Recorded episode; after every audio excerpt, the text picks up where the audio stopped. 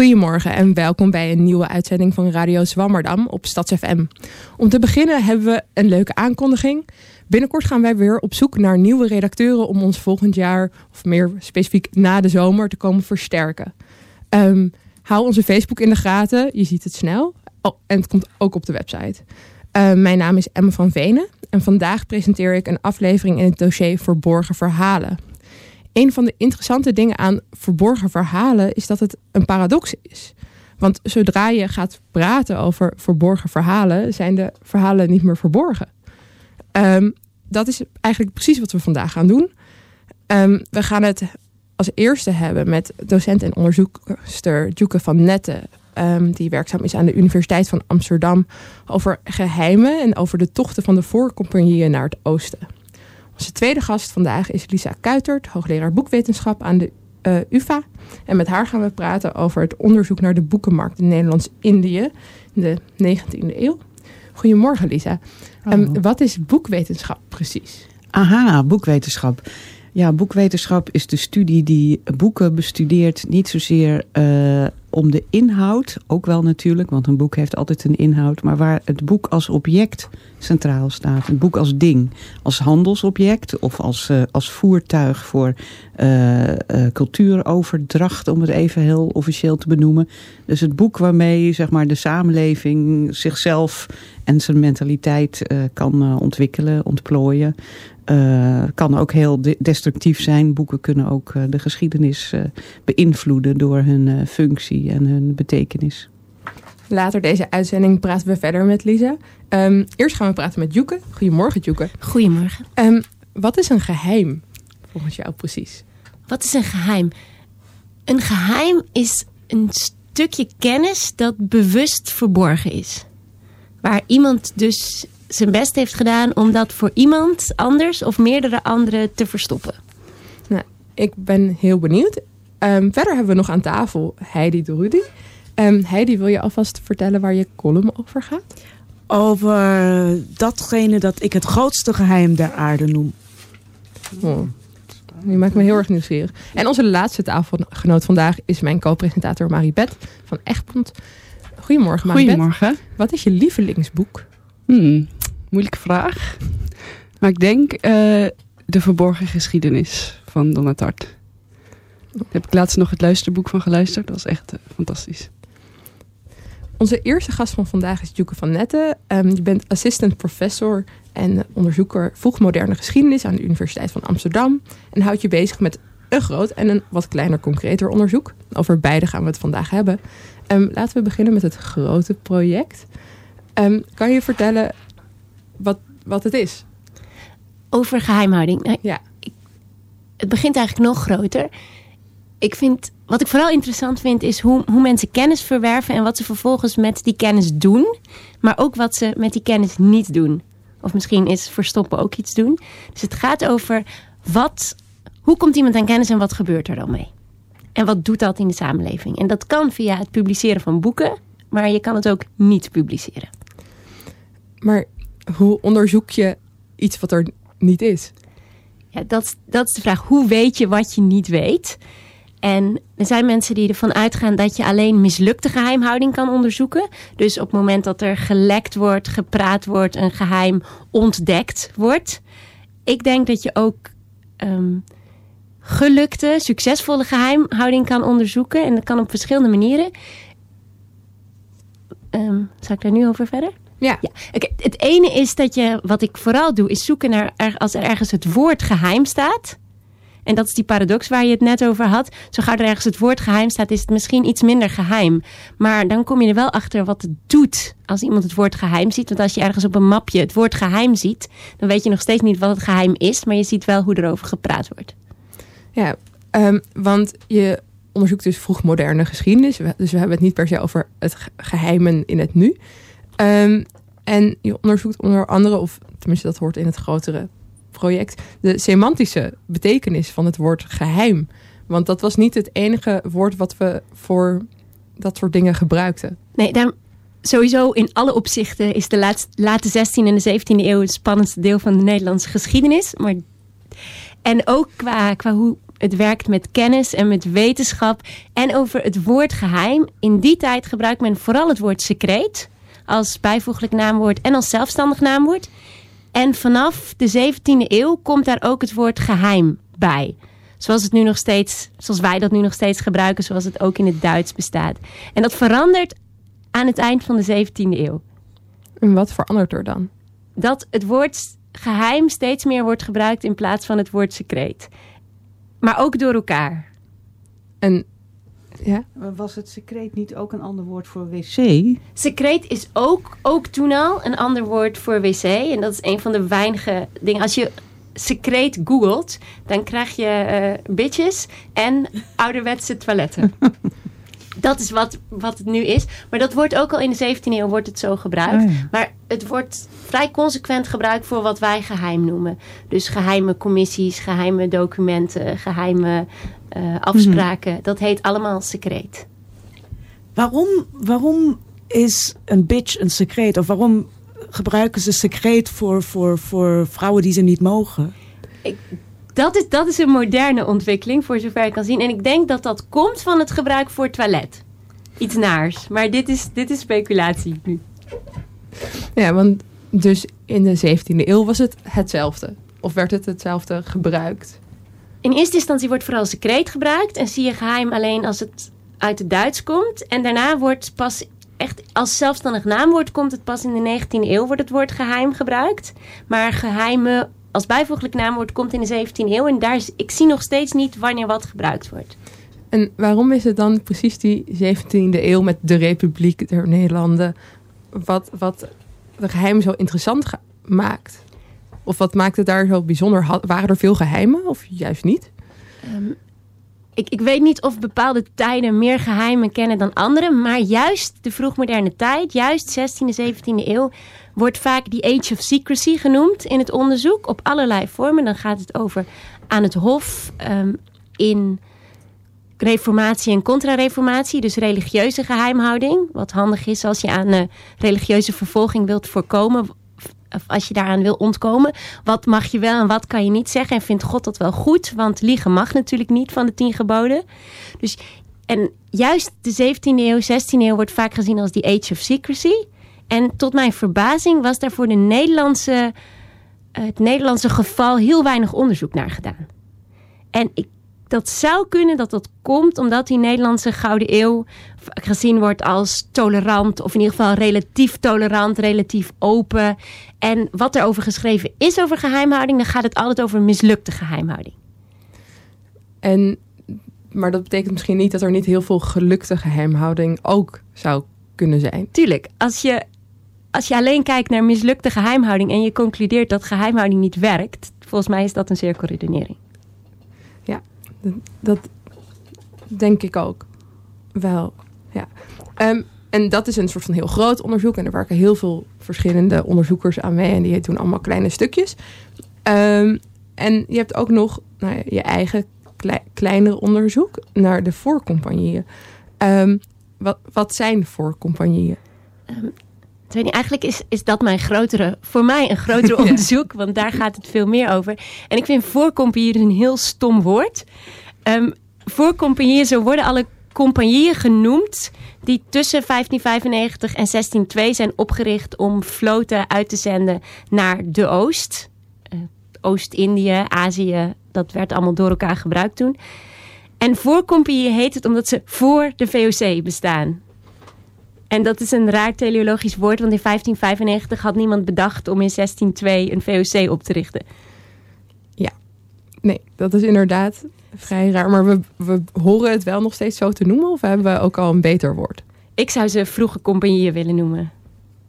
hoe werd het toen genoemd dan?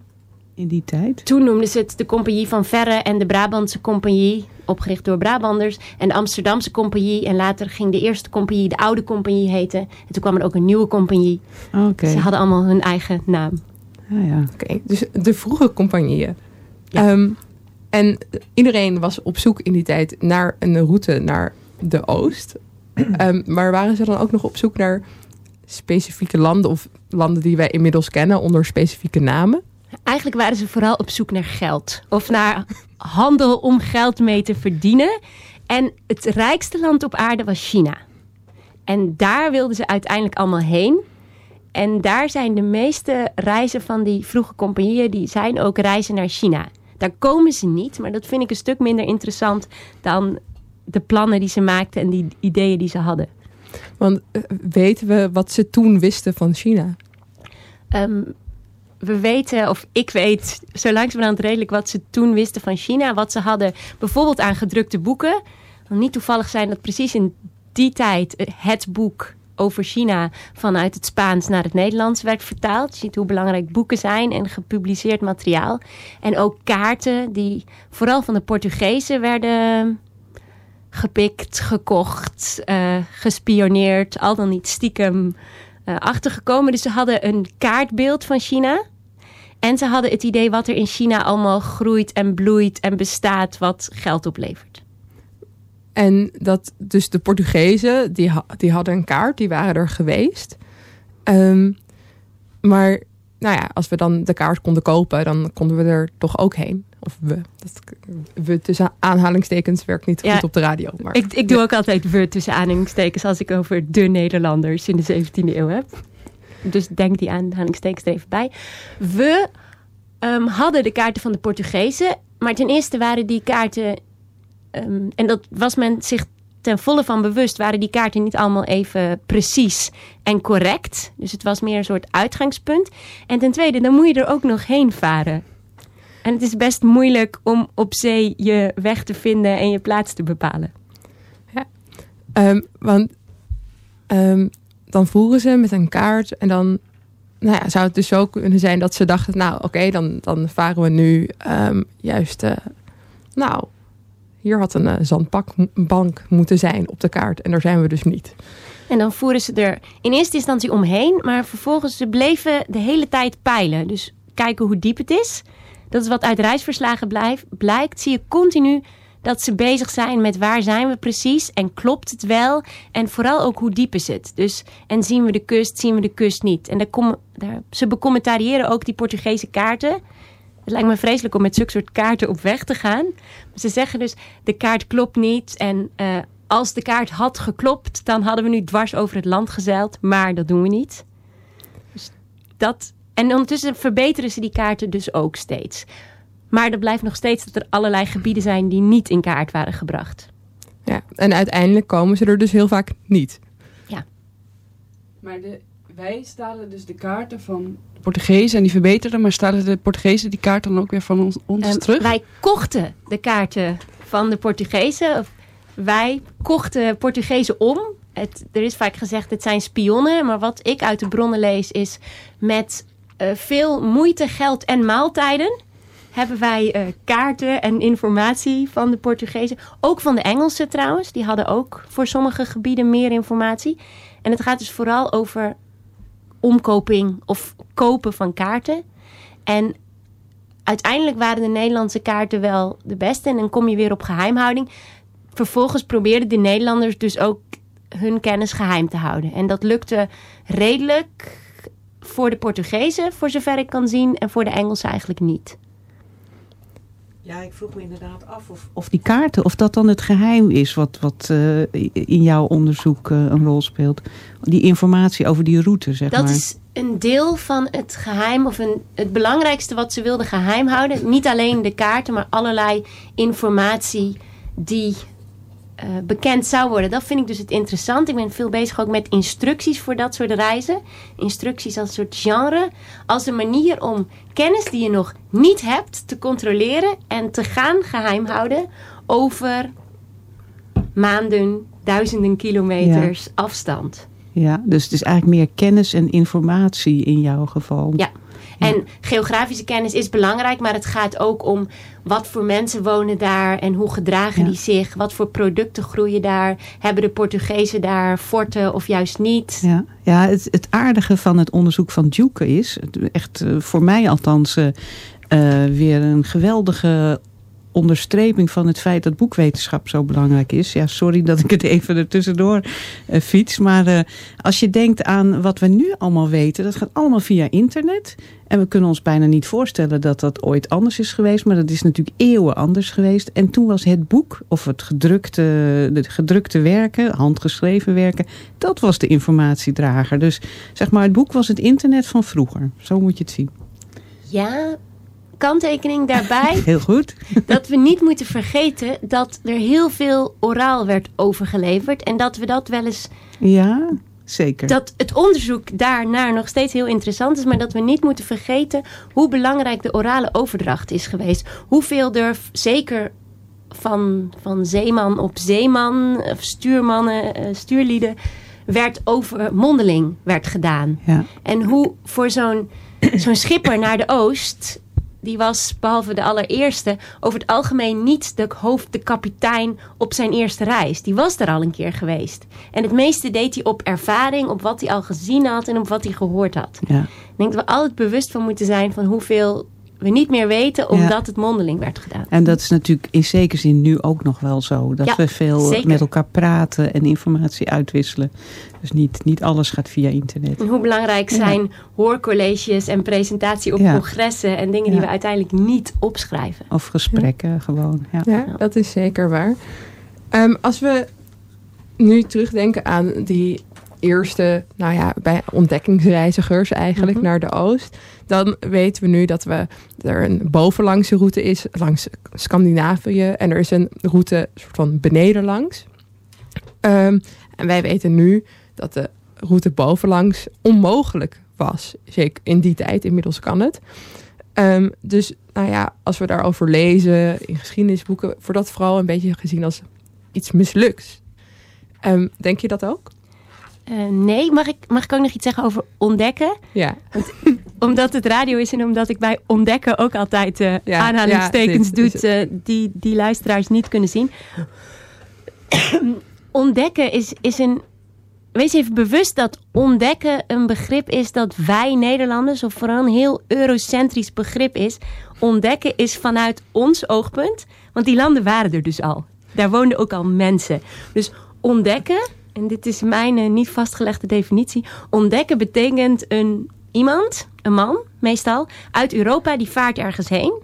Die brengt het in kaart. En een andere, meestal man in Europa, zet het op de kaart en publiceert die kaart. Publiceren kan hier druk of handschrift betekenen. En dan is het ontdekt, met aanhalingstekens. Dat wou ik even zeggen. En dan over, over die routes in principe kun je, als je nou zo graag naar China wil, op vier manieren van Nederland naar China. Ik uh, Zuidwest, Zuid-Amerika langs, Zuidoost om Kaap de Goede Hoop heen, Noordwest en Noordoost. En al die manieren werden geprobeerd in de late 16e en vroege 17e eeuw. En uiteindelijk is alleen de route om Kaap de Goede Hoop gelukt. Hoewel ook de route om Zuid-Amerika wel gelukt is.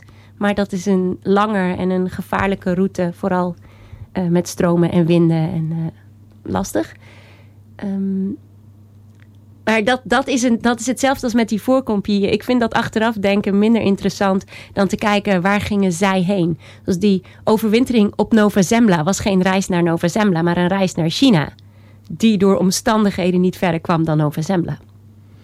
Ja, en, maar dan gaat het dus eigenlijk heel erg over wat mensen toen wisten. En wat ja. mensen toen wisten over China en over de wereld. En ja, en wat Hoe? ze deden met die kennis die ze hadden. En dan is het een stuk minder interessant of dat achteraf wel of niet blijkt te kloppen. Want dat willen mensen altijd weten als ze naar kaarten kijken. Klopt dat? En in hoeverre komt het overeen met mijn wereldbeeld? Ik vind het veel interessanter. Wat was hun kennis en wat op basis van die kennis die zij hadden, namelijk niet op onze achterafkennis, maakten zij hun plannen en hun voorbereidingen. Ja, en je maakt in het onderzoek daarnaar gebruik van het unknown unknown en het known unknown. Kan je dat uitleggen? Ja, vaak als ik het heb over known unknowns, dan gaan mensen zo een beetje fronzen en denken aan Rumsfeld en, uh, en Irak. En daar, is dat, daar, bedoel, daar heb ik het ook wel aan ontleend. En als je, maar het helpt volgens mij om na te denken over kennis als je zeker over deze kennis, als je uit elkaar haalt wat mensen toen wisten dat ze niet wisten Namelijk, China bestaat en het is heel rijk, maar hoe je er precies komt, weet ik niet. En wat ze niet wisten dat ze niet wisten. Zoals dat je niet voorbij Nova Zembla naar China kan varen. Ja, ik denk dat dat in ieder geval voor mijn niet geschiedkundig perspectief heel veel he- helpt in het erover nadenken daarvan. Mooi. Ehm,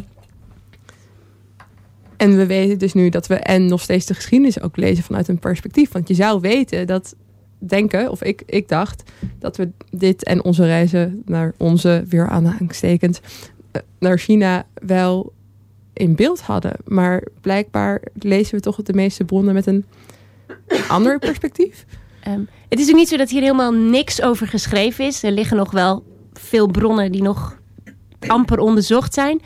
Ehm, maar het is inderdaad vooral dat perspectief wat ik wil veranderen. En dat ik zo mogelijk, zoveel mogelijk in die tijd wil blijven zitten. En ik snap ook wel dat dat niet lukt. En dat ik leef in 2018 en denk vanuit 2018. Maar ik probeer zoveel mogelijk te lezen en te schrijven vanuit die tijd zelf. Zonder het, het resultaat of dat een mislukking en successen eh, daarbij mee te nemen. Ja. En onder de andere is daarvoor ook nu een tentoonstelling in het Scheepvaartmuseum waar je aan hebt meegewerkt. Kan je daar ons iets over vertellen? Ja, in het Scheepvaartmuseum is een enorme wereldkaart van Johan Blauw uit 1648. Die hing tot twee, van 1928 tot 2007 in het Scheepvaartmuseum. Bij de restauratie van het gebouw is die naar het depot verbannen en daar is uh, iets wat over geklaagd. Een van de weinige objecten waarvan mensen zeiden: waarom is die er niet meer? En toen kwam er nu kleine twee, anderhalf jaar geleden, goed nadenken, um, de vraag aan mij om die kaart, om een tentoonstelling om die kaart heen samen te stellen. Dus die wereldkaart die staat in het midden. En daaromheen staat meer informatie, andere kaarten, globus ter vergelijking. En ook het verhaal op die kaart. Wat historisch cartografen meestal doen, is vergelijken hoe verschilt deze kaart van de vorige editie en de volgende. Maar als je al naar het museum komt, dan zie je alleen deze kaart. Dus ik vind het interessanter om te vertellen welk verhaal vertelt deze kaart. En welk verhaal vertelt die kaart? Die kaart vertelt zeker 365 verhalen. En ik weet niet hoeveel tijd we hebben. Maar het, de kaart vertelt vooral een heel politiek verhaal. Het is, het is niet een kaart om op te zeilen of mee te zeilen. Daarvoor is uh, 2 bij 3 meter te groot, te duur, te onhandig. Het is een kaart om aan de muur te hangen. Om te laten zien dat je weet wat er in de wereld te koop is. En het was een... Het is vaak gezien, die kaart, en het staat er ook op... dat het een cadeautje is aan een Spaanse diplomaat... na de vrede van Münster 1648. En, maar ondertussen is die kaart misschien ook wel een steek onder water... naar deze Spanjaard. Want de Spaanse bezittingen worden niet erg benadrukt. Er staan wel aardige dingen over de Nederlanders op. Er zijn Nederlandse schepen over alle wereldzeeën. En ondertussen wordt er ook nog benadrukt dat de aarde om de zon draait in plaats van andersom. En dat was toch op dat moment uh, al een aantal jaren op de katholieke index van verboden boeken gezet. Maar zou je kunnen zeggen dat, uh, dat er op die kaart ook dingen staan die we eigenlijk... Dus er staan niet, dingen niet op die we eigenlijk wel wisten? En dat is dan het geheim? Of? Ja, ik weet niet of je het hier geheim kan noemen, maar er zijn wel. Um, ik weet ook niet hoe, in, hoeveel ding, in hoeverre dingen bewust zijn gedaan. Maar ik probeer er wel een politiek verhaal in te lezen. Zoals je bijvoorbeeld ziet dat Ceylon, Sri Lanka heet dat. Ceylon relatief veel groter is, Nederland Ceylon, dan Engels-India. Dat kan toeval zijn, maar misschien ook wel niet. Het woord Brazilië staat er amper op. Ik weet ook niet zo goed waarom dat is. Dat was namelijk op dat moment wel Nederlands. Dit is een soort uh, grote, grote kwestie die ik nog steeds heb. Maar er staan weinig grenzen op. En vooral in de tekst die eronder staat, wordt de Nederlanders een paar keer genoemd als wat wij, deze, de, hier is de wij met opzet, wat wij ontdekt hebben en het uh, sterke fort dat wij hebben op Java. En dat soort dingen staan er niet van andere landen. Dus dan is in zo'n kaart en eigenlijk de hele scheepvaart het draait voornamelijk om geld, maar ook om politiek. Ja, geld, geld en macht en dat hangt denk ik altijd samen. Nou, ik denk dat dat wel een mooie conclusie is. Um, dan uh, is het inmiddels tijd voor de column van Heidi. Heidi, wil je gewoon beginnen? Ja, maar ik wil deze keer anders beginnen dan normaal. Ik eh, begin met een vraag aan jullie, uh, iedereen. Noem de naam van inspirerende mensen, levend of dood. Mensen dus die jou hebben geïnspireerd. Tjoeke, wie inspireerde jou het meest? Pff, te moeilijk. Niemand die omhoog komt? Maar levend of dood? Ja. Anders vraag ik nu even ja. Lisa. Ja, ik denk meteen aan mijn vader, maar die is ook niet zo heel lang geleden overleden. En ik ben nu zo bezig met zijn nalatenschap in geestelijke zin, zeg maar. Brieven, documenten. Het, ja, dat inspireert me enorm. En jij, Maribeth? Ja, ik denk ook meteen aan familie, maar ik kan dan niet kiezen. Nee. Een van mijn ouders of... Uh, ja. Ja, mooi. En jij?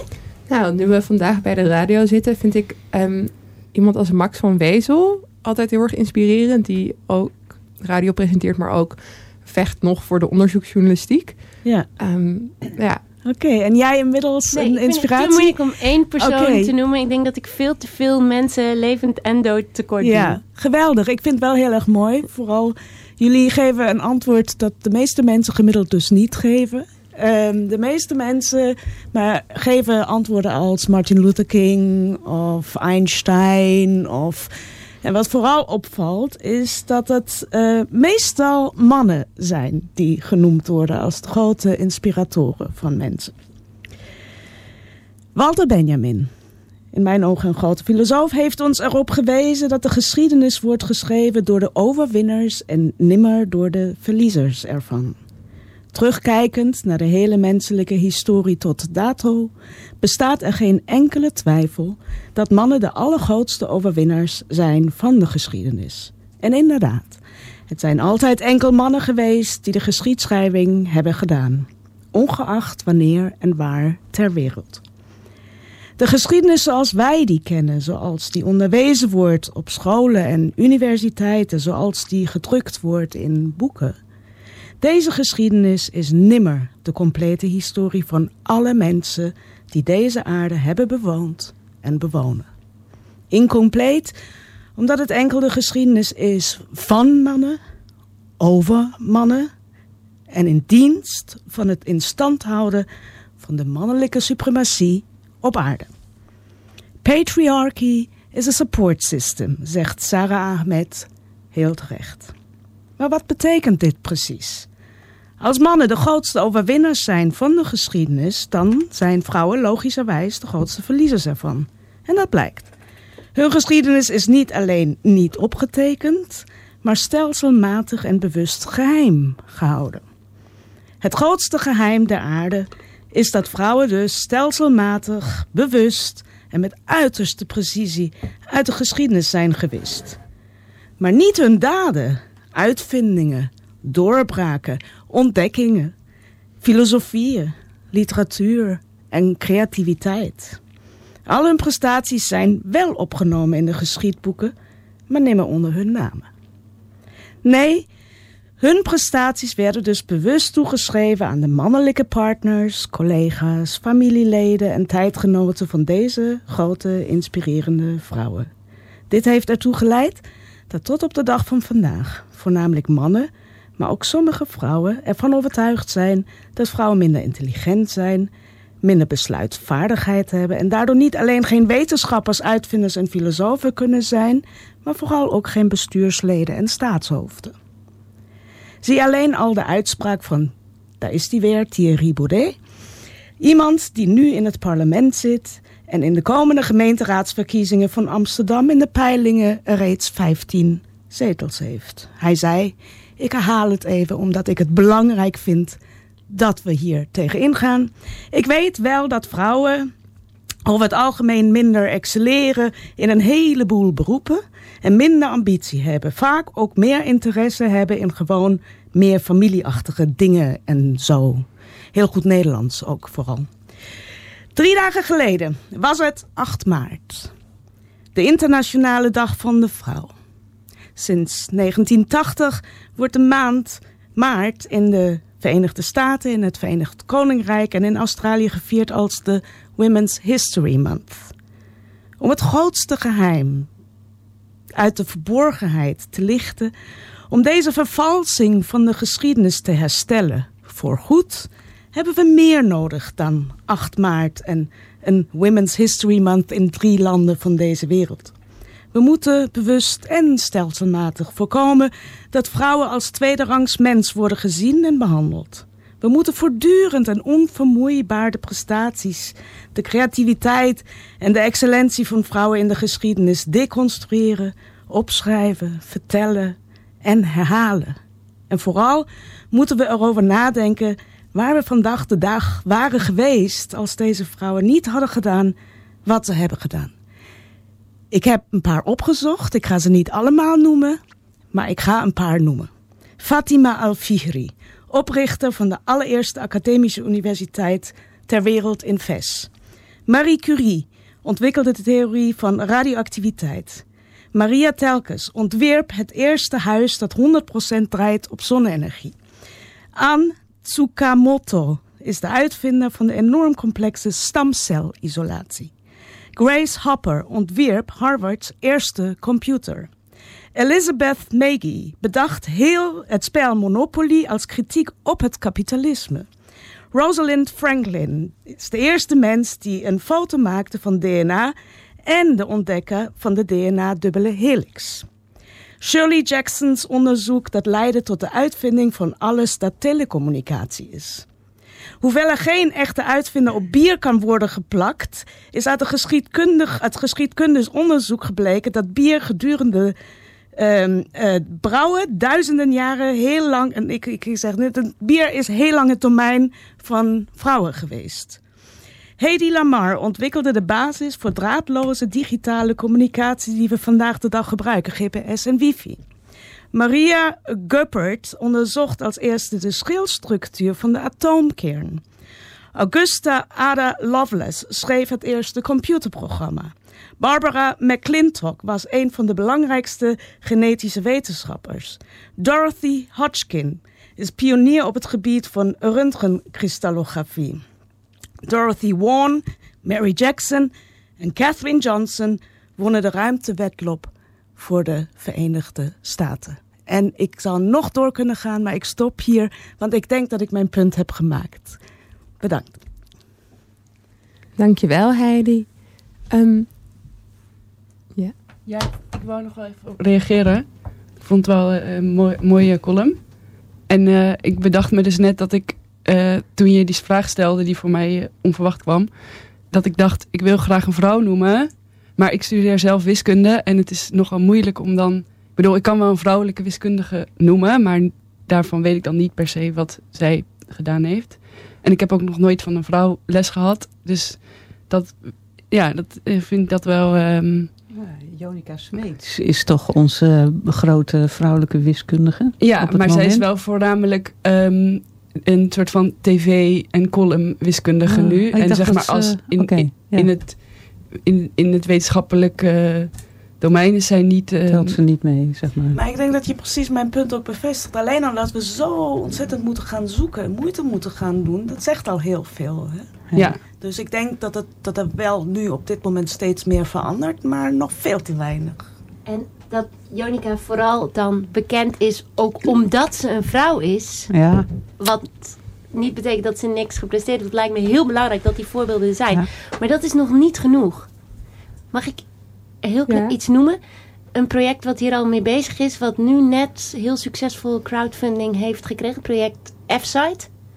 Dat van een aantal, eh voornamelijk ook ex-UvA geschiedenisstudenten die bezig zijn met lesmateriaal maken, vooral op middelbare scholen, waarin vrouwen in de geschiedenis zichtbaar wordt gemaakt. Ja, ik vind het geweldig, want ik, ik, ik moet heel kort, als ik dat mag, een anekdote vertellen. Toen ik, toen ik filosofie studeerde aan de UvA, ergerde ik me eraan dat, dat bij politieke sociale filosofie een handboek gemaakt was waar hele hoofdstukken over mannelijke filosofen waren. En er was één hoofdstuk aan het einde, vrouwelijke filosofen. En dan werd in één alinea werden Hannah Arendt, Simone de Beauvoir en nog een paar, paar vrouwen gewoon even bij elkaar geraapt. En ik irriteerde me daaraan.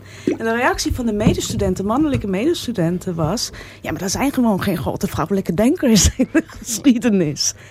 Dat beïnvloedt namelijk ook dat idee, en dat, daarom noem ik het het grootste geheim, dat idee dat ze daar gewoon niet zijn, dat ze dat niet kunnen enzovoort. En dat we dit, dat niet zien, ook in de opleiding. Volgens mij is daarom dat project van, van gisteren heten ze, F-site, echt heel belangrijk.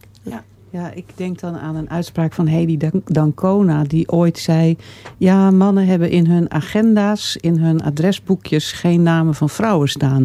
En dat klopt ook letterlijk wel hoor. Dus eh, de mannen hebben gewoon minder oog voor vrouwen. En zolang mannen geschiedenis maken, zullen ze vrouwen over het hoofd zien. Maar daar doen Duke en ik wel wat aan. Ja.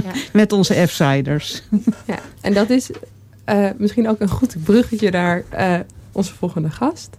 Ehm, we, want, en voor de luisteraars, wij zitten hier aan tafel met alleen maar vrouwen. En onze technicus vandaag is ook een vrouw. Dus we gaan misschien langzaam toch een beetje de goede kant op.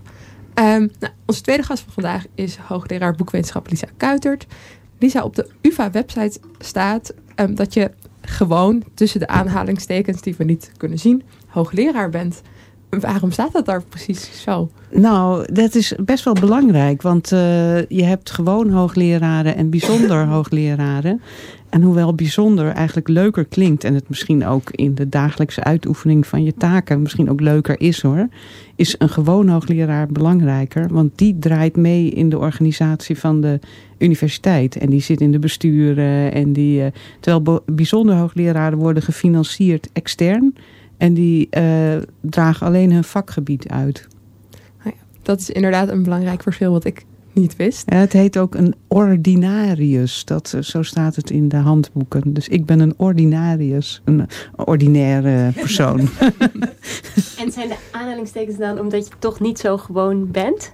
nee, het is, het is, eh, heel, het is ja... eh, de aanhalingstekens bij gewoon bedoel je? Ja. nee, dat is omdat er helemaal niks gewoons aan is. Het is, eh, het is, ja, het is eh, de, standaard, de standaardpositie zou je kunnen zeggen. Ehm, je onderzoekt op dit moment het beeld van de boekenmarkt in Nederlands-Indië. Voor welke periode eh, gaat dat dan? Nou, we hebben een onderzoek opgezet eh, voor de periode van de dekolonisatie. Maar zelf doe ik de 19e eeuw, de lange 19e eeuw, tot ongeveer 1920. En wat weten we hier al over, over de boekenmarkt? Ja, daar, dat is wel de aanleiding voor mij om dit te gaan onderzoeken. Want het blijkt eigenlijk dat we daar helemaal niets over weten. Dus we weten wel iets over de pers, over kranten eh, en een paar tijdschriften. Maar wat er in de boekwinkels lag, of er überhaupt boekwinkels waren... eh, en of er uitgevers waren en wat die dan uitgaven... en voor wie ze dat uitgaven. Wat die boeken kostten en hoe ze werden verspreid. Wie, wie ze lazen, weten we eigenlijk helemaal niets van. En wat is dan precies de rol van boeken? Of wat kunnen boeken ons vertellen over die tijd? Ja, dan kan ik mooi aansluiten bij wat uh, net vertelde. Boeken zijn natuurlijk toch op de een of andere manier een, uh, een voertuig van, van ideeënoverdracht. Dus in die boeken staan uh, ideeën, gedachten, maar ook gewoon leuke verhalen, woordenboeken, boeken over aardrijkskundige verschijnselen. dus boeken zorgen voor informatie, maar ze zorgen ook voor een overdracht van een bepaalde mentaliteit. En uh, ik denk als je weet hoe die boekenmarkt uh, was ingericht... dan kun je ook beter inschatten hoe de bevolking daar... en dan heb ik het met name over de Europeanen die daar zaten...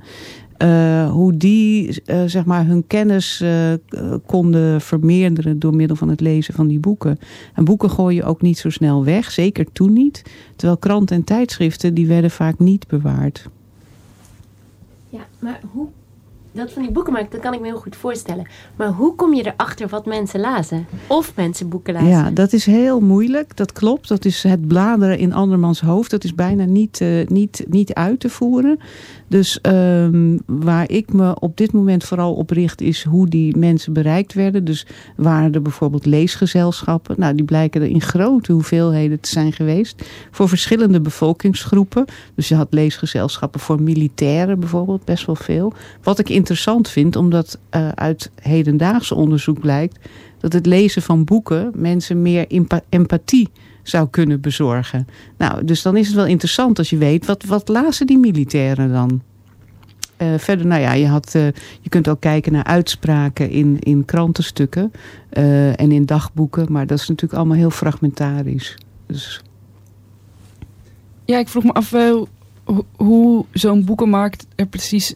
Kun je een beeld schetsen hoe dat eruit zag? Wat voor soort mensen kwamen daar? Alleen maar rijke mensen? Of ja. waren boeken eigenlijk uh, heel duur toen? Voor... Ja, dat, dat zijn allemaal hele essentiële vragen. Uh, het is heel moeilijk om erachter te komen in hoeverre de oorspronkelijke Indonesiërs uh, ook meededen aan die boekenmarkt. Er waren een aantal talen op Indonesië die niet een geschreven vorm hadden.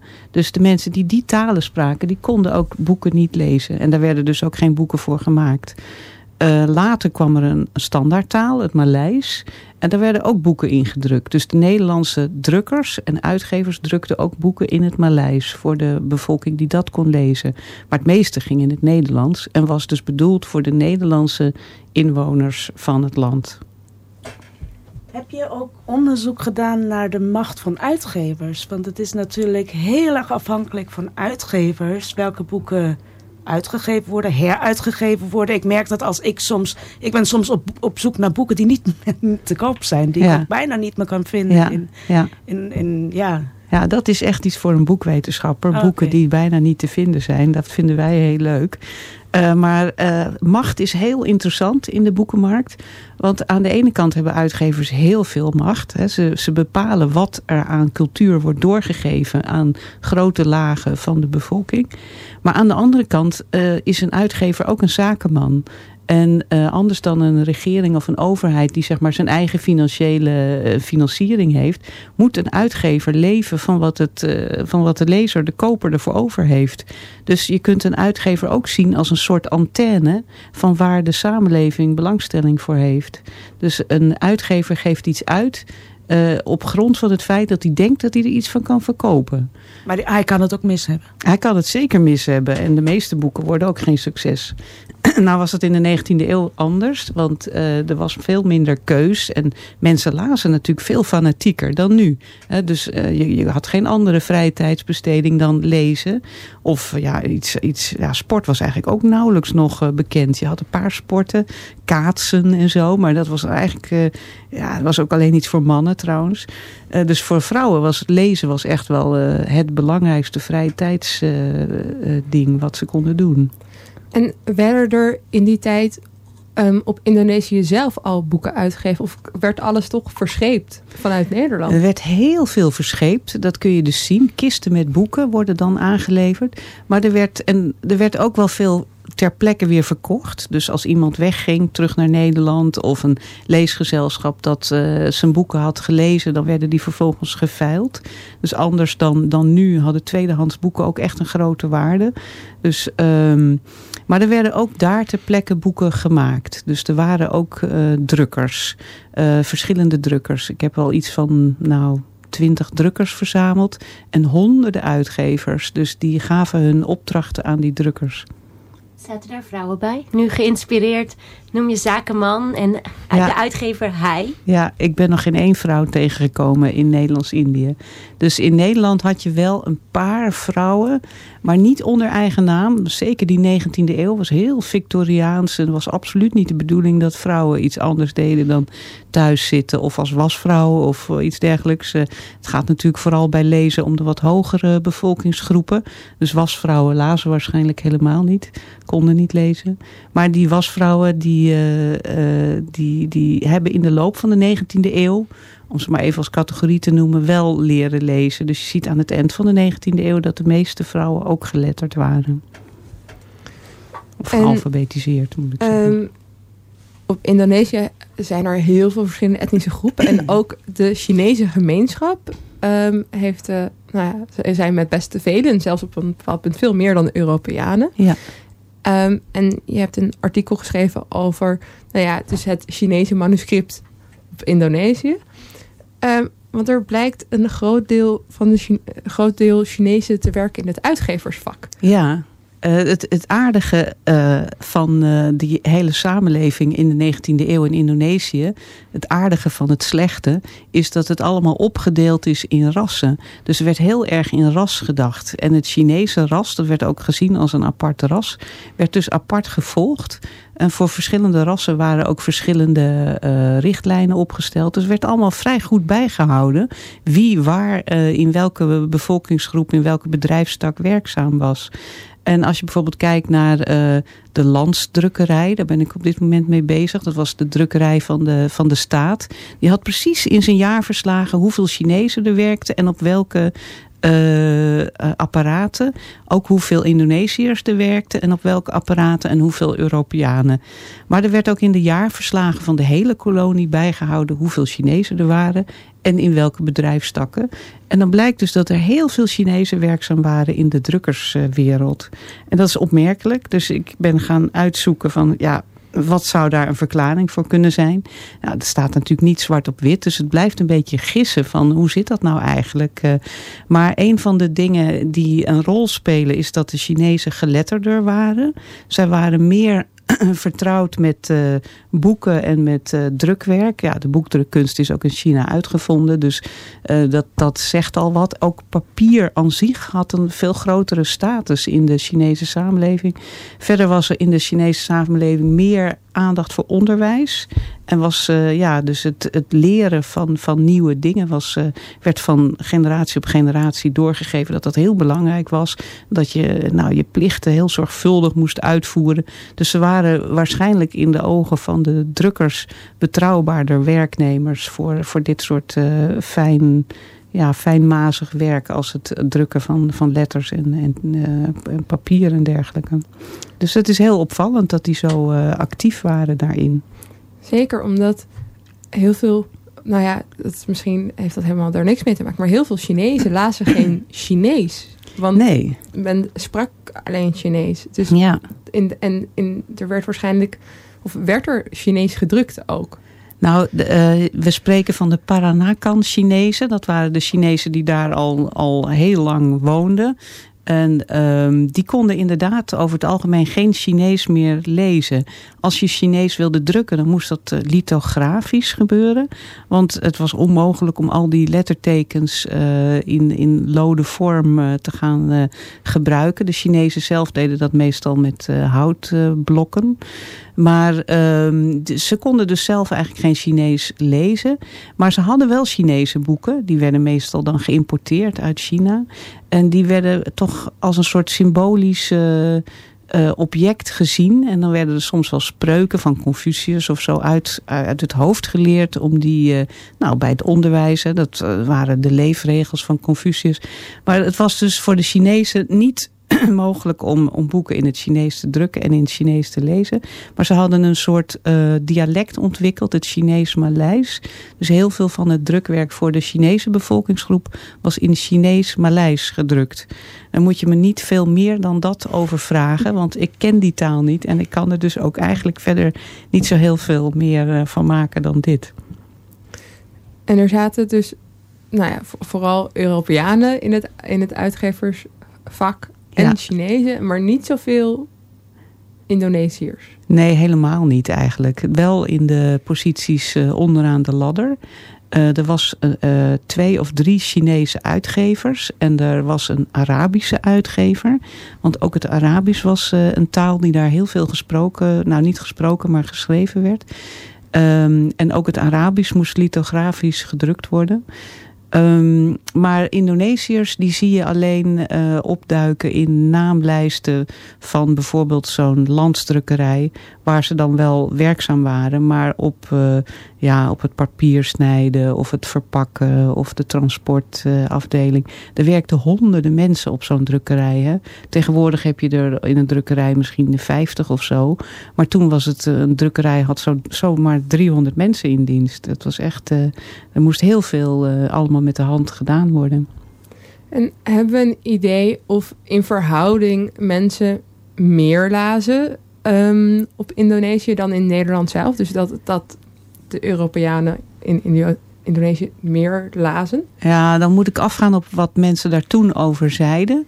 Uh, en de geluiden zijn wel uh, een beetje tegengesteld. Dus er waren mensen die mopperden van... ach, in Indonesië leest niemand... en alle boeken worden uh, aangevreten door grote insecten... en het klimaat is niet gunstig voor boeken en zo.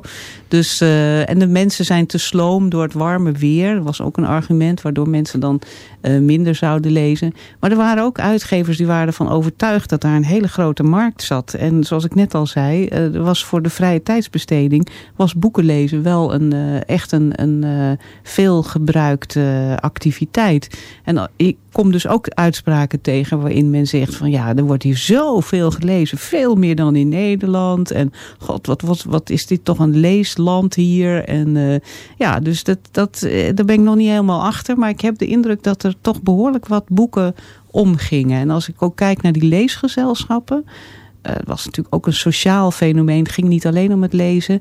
Maar per hoofd van de bevolking waren er meer leesgezelschappen daar dan in Nederland.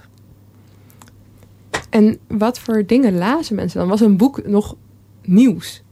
In de tijd dus dat alles, nou ja, nieuws zo snel ging als een schip ging. Ja, uh, mensen hadden toen een heel ander besef, denk ik, van, van nieuws. Uh, dat, dat, kunnen we ons natuurlijk helemaal niet meer voorstellen. Uh, boeken als die versleept werden van Europa naar Indonesië... Dan, dan deden die daar een paar maanden over. Op een gegeven moment werd het Suezkanaal gegraven. En toen ging het wat sneller. Uh, maar uh, dat, dat je zeg maar een half jaar moest wachten op een boek, dat was heel normaal. Uh, je ziet overigens wel dat bijvoorbeeld een boek als de Max Havelaar... was ook heel populair bij de Europese lezers in uh, Indonesië. Daar is eerder onderzoek uh, naar gedaan door Lisbeth Dolk. En dat is echt heel interessant om te zien dat er dus ook voor geadverteerd werd in kranten die we nu digitaal kunnen doorzoeken. Want dat is een van mijn grote bronnen. Uh, dus uh, de krant als zeg maar toch ook als een soort antenne van de samenleving. Wat gebeurt er? Maar dan hebben we het dus wel over de Europese kranten. En ik, kan niet genoeg benadrukken dat ik vooral dus kijk naar die Europese kant. Uh, ook vanwege het gebrek aan boeken in, in Maleise talen. Daar is gewoon niet zoveel. Die zijn er wel, maar niet zoveel. En ik kan geen Maleis lezen. Maar Emma, wat geeft het als een boek niet nieuws is? Of niet nieuw? Nee, helemaal niks, denk ik zelf. Uh, maar het is natuurlijk um, interessant om te zien of um, als uitgevers als een soort van antenne bezig zijn, wat mensen dan graag willen lezen. Willen mensen een soort van een verhaal lezen over een of andere Nederlandse koning die weer gevochten heeft met de Spanjaarden en daar een soort van mooi heroïsch verhaal ja. van heeft gemaakt? Of lezen we Bijbels of lezen we ja. Um, weet ik, iets, iets anders? Dus in die zin vroeg ik me af waar mensen juist als ze op een bepaalde manier zo ver weg zijn van, van hun moederland, wat, wat ze interessant vinden. Nou, dat vind ik ook een interessante vraag. Wat willen mensen lezen en antenne en zo? Maar dat is ook zo'n unknown unknown. Want als mensen niet weten dat daar over iets geschreven is... dan kunnen ze het niet willen lezen. Dat soms vind ik moeten ze gewoon geconfronteerd worden met nieuwe dingen. Om ineens te bedenken, oh ja, ik wist niet dat ik dat interessant vind of dat dat bestond. Ja, nee, dat is een heel goed punt. En dan kom ik op een ander stukje van de boekenmarkt, waar we het nog niet over gehad hebben. Dat zijn de bibliotheken. En dus ook, ook leesgezelschappen en bibliotheken. Dat zijn veel meer selecterende instanties die bepalen wat je gaat lezen. Uh, en zo uh, hebben we wel zicht op wat bibliotheken in de jaren 20 van de 20e eeuw in bezit hadden in Nederlands-Indië. Dat weten we niet van de 19e eeuw, daar hebben we die lijsten niet van, maar wel van begin 20e eeuw. En dan zie je dat, dat is echt bizar. Uh, dat daar dus vooral boeken lagen, ook in de Maleise taal vertaald, van Nederlandse 19e eeuwse schrijvers. Dus Jacob van Lennep, van wie net een, biografie is verschenen. Maar ook Bosboom Toussaint. We kennen de meeste mensen hier waarschijnlijk alleen van de Bosboom Toussaint straat in Amsterdam. Uh, maar dat was een belangrijke 19e eeuwse schrijfster, maar heel erg Nederlands. En ook met uh, ja, historische verhalen over Europese koningen en zo. Ja, ik kan me niet voorstellen dat Indonesisch lezers dat nou interessant vonden. Maar goed, dat, dat, uh, dat lag daar in die bibliotheken. Maar ook heel veel medische hulpboeken en uh, woordenboeken. En, uh, dus, dus boeken waar zeg maar lokaal ook wel enig nut van te verwachten was. En dat is het toffe van de bibliotheek. Dan kom je boeken tegen waarvan je nog geen idee hebt. Zit ik te bedenken, in tegenstelling tot internet, waar je alleen maar tegenkomt waar je naar zoekt. Ja. Of tenzij je op een bepaalde manier zoekt waar je ook nieuwe dingen tegen kunt komen. Hè? Ja. Het is toch nog steeds een individuele actie. Je kunt je, kunt je ook soeverein gaan opstellen op het internet, denk ik. Dat hoop ik. Ja, het is wel moeilijk, zeker met boeken. En zeker als je boeken wil kopen. In bibliotheken kan het makkelijker. Maar als je boeken wil kopen, dan zijn er altijd zoekmachines die bijhouden wat je eerder hebt gekocht. Dus ik heb daar een hard hoofd in, in die uh, uh, boekenverkoop via internet. Um, nou, als laatste vraag, want we zijn alweer bijna aan het einde gekomen. Um, Joeke, wat ga je verder onderzoeken? Waar ga je de komende tijd mee bezighouden? Um, behalve dat, dat ik hiermee verder ga en dat er helemaal heel veel nog opgeschreven moet worden van wat alleen nog in mijn hoofd zit, wil ik vooral verder ook met die, met die cartografie en wat er geschreven is over kaarten en onder kaarten. Ik ben heel benieuwd. En Lisa, wat ga jij doen nog de komende tijd? Nou, ik ben uh, voorlopig nog wel even bezig met uh, Nederlands-Indië en de boekenmarkt. Dus uh, daar hou ik het nog maar even bij. En Heidi? Ik ben op dit moment bezig mijn eerste boek te schrijven. Dus dat is mijn kindje dat nu aan het ontstaan is. En is het geheim waar het over gaat? Nee, absoluut niet. Het gaat over Hannah Arendt. de vrouw die mij, voor mij de grootste inspirator is. Um, en ik doe wel iets controversieels. Ik, uh, heb, uh, ik denk aan te tonen dat zij een metafysische denker is. En niet alleen een puur sociaal-politieke denker. En Marikbeth? Ja, ik ben ook een soort boek aan het schrijven. Mijn uh, masterscriptie komt binnenkort uit. Een hele kleine kring. Heel goed. Um, de eindtune loopt alweer. Uh, dat betekent dat het echt tijd is om af te slu uh, sluiten. Vandaag hebben we het gehad over verborgen verhalen uit het verleden. En hopelijk uh, kunnen we daar iets van leren voor de toekomst. Aan tafel zaten Lisa Kuitert en Joeke van Netten. Dank je voor jullie aanwezigheid en succes met al het verdere onderzoek. Onze columnist was Heidi de Rudy. Heidi, nogmaals bedankt voor je column. Graag gedaan. Achter de knop zat vandaag Nathalie Jansen. En mijn co-host was Maribeth van Egmond. Um, volgend jaar maken wij ook weer radio. En daarvoor zijn wij op zoek naar nieuwe redacteuren. De uh, sollicitatie komt online over ongeveer een week. Dus hou onze website en de Facebook in de gaten. Later vanmiddag kunt u de hele uitzending terugluisteren op, uh, via onze website of uh, podcast. like ons op Facebook, volg ons op Twitter. We hebben tegenwoordig ook Instagram. Um, Volgende week zijn we er een weekje tussenuit. Maar de week daarna zijn we terug met Nathalie. Die uh, gaat praten met Suzanne Oosterwijk over morbide fascinaties. Mijn naam is Emma van Wenen. U luistert naar Radio Zwammerdam. En we wensen u voor nu nog een hele fijne zondag.